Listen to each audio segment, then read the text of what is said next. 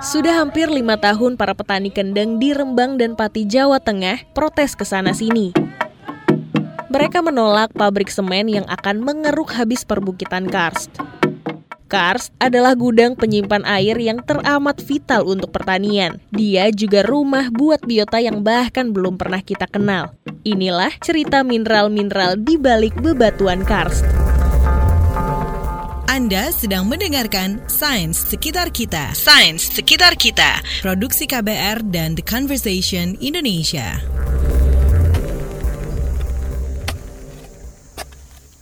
Saya mengikuti Dian Fiantis untuk mengambil tanah di perbukitan karst di Sumatera Barat. Jadi mulai tahun ini saya meneliti tanah-tanah yang terbentuk di daerah-daerah kapur. Peneliti dari Universitas Andalas ini adalah satu dari sedikit ahli mineral di Indonesia.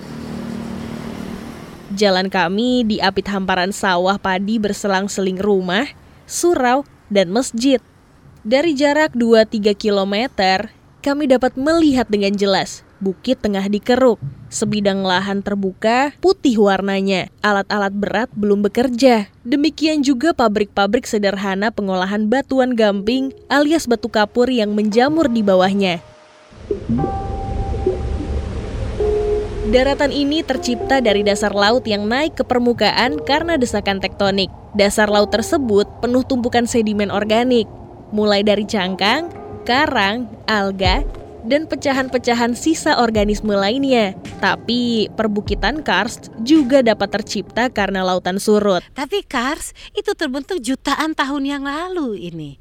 Kalau ini merupakan sedimen laut, berarti terjadi uplifting dari ini, ya, ataupun terjadi surutnya air laut. Tapi saya kira yang ini dulu ini uplifting karena kita berada jauh dari laut. Diperkirakan 15% dari luas daratan di bumi merupakan perbukitan karst. Menurut penelitian Clements dan kawan-kawan pada tahun 2006, Indonesia memiliki 14,5 juta kilometer persegi wilayah karst. Dari jumlah itu, hanya 5% saja yang dilindungi.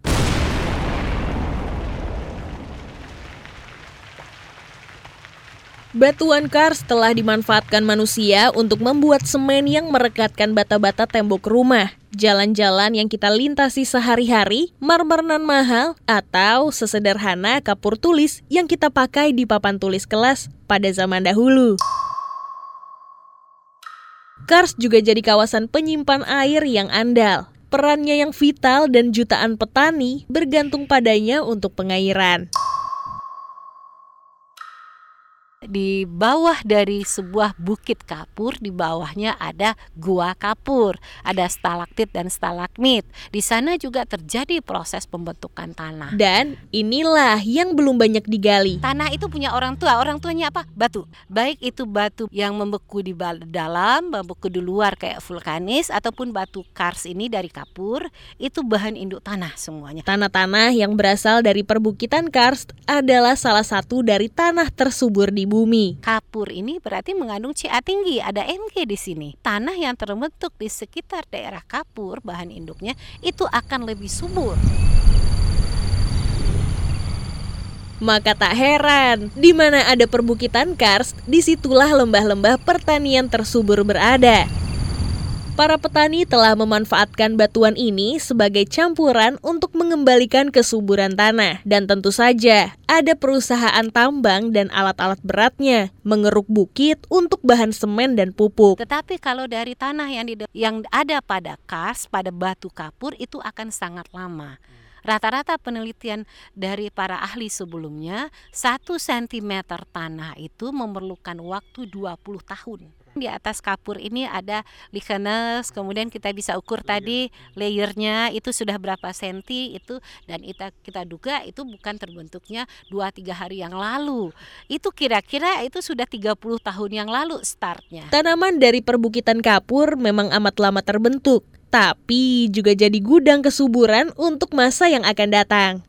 Pilihannya ada pada kita, mau menambang habis-habisan atau bijaksana dilestarikan. Batu kars ini terbentuknya bukan kemarin, tapi jutaan tahun yang lalu. Tapi di lain pihak memang diperlukan juga untuk uh, bangunan kapur. Juga orang pertanian menggunakan ini juga kapur hmm. pertanian.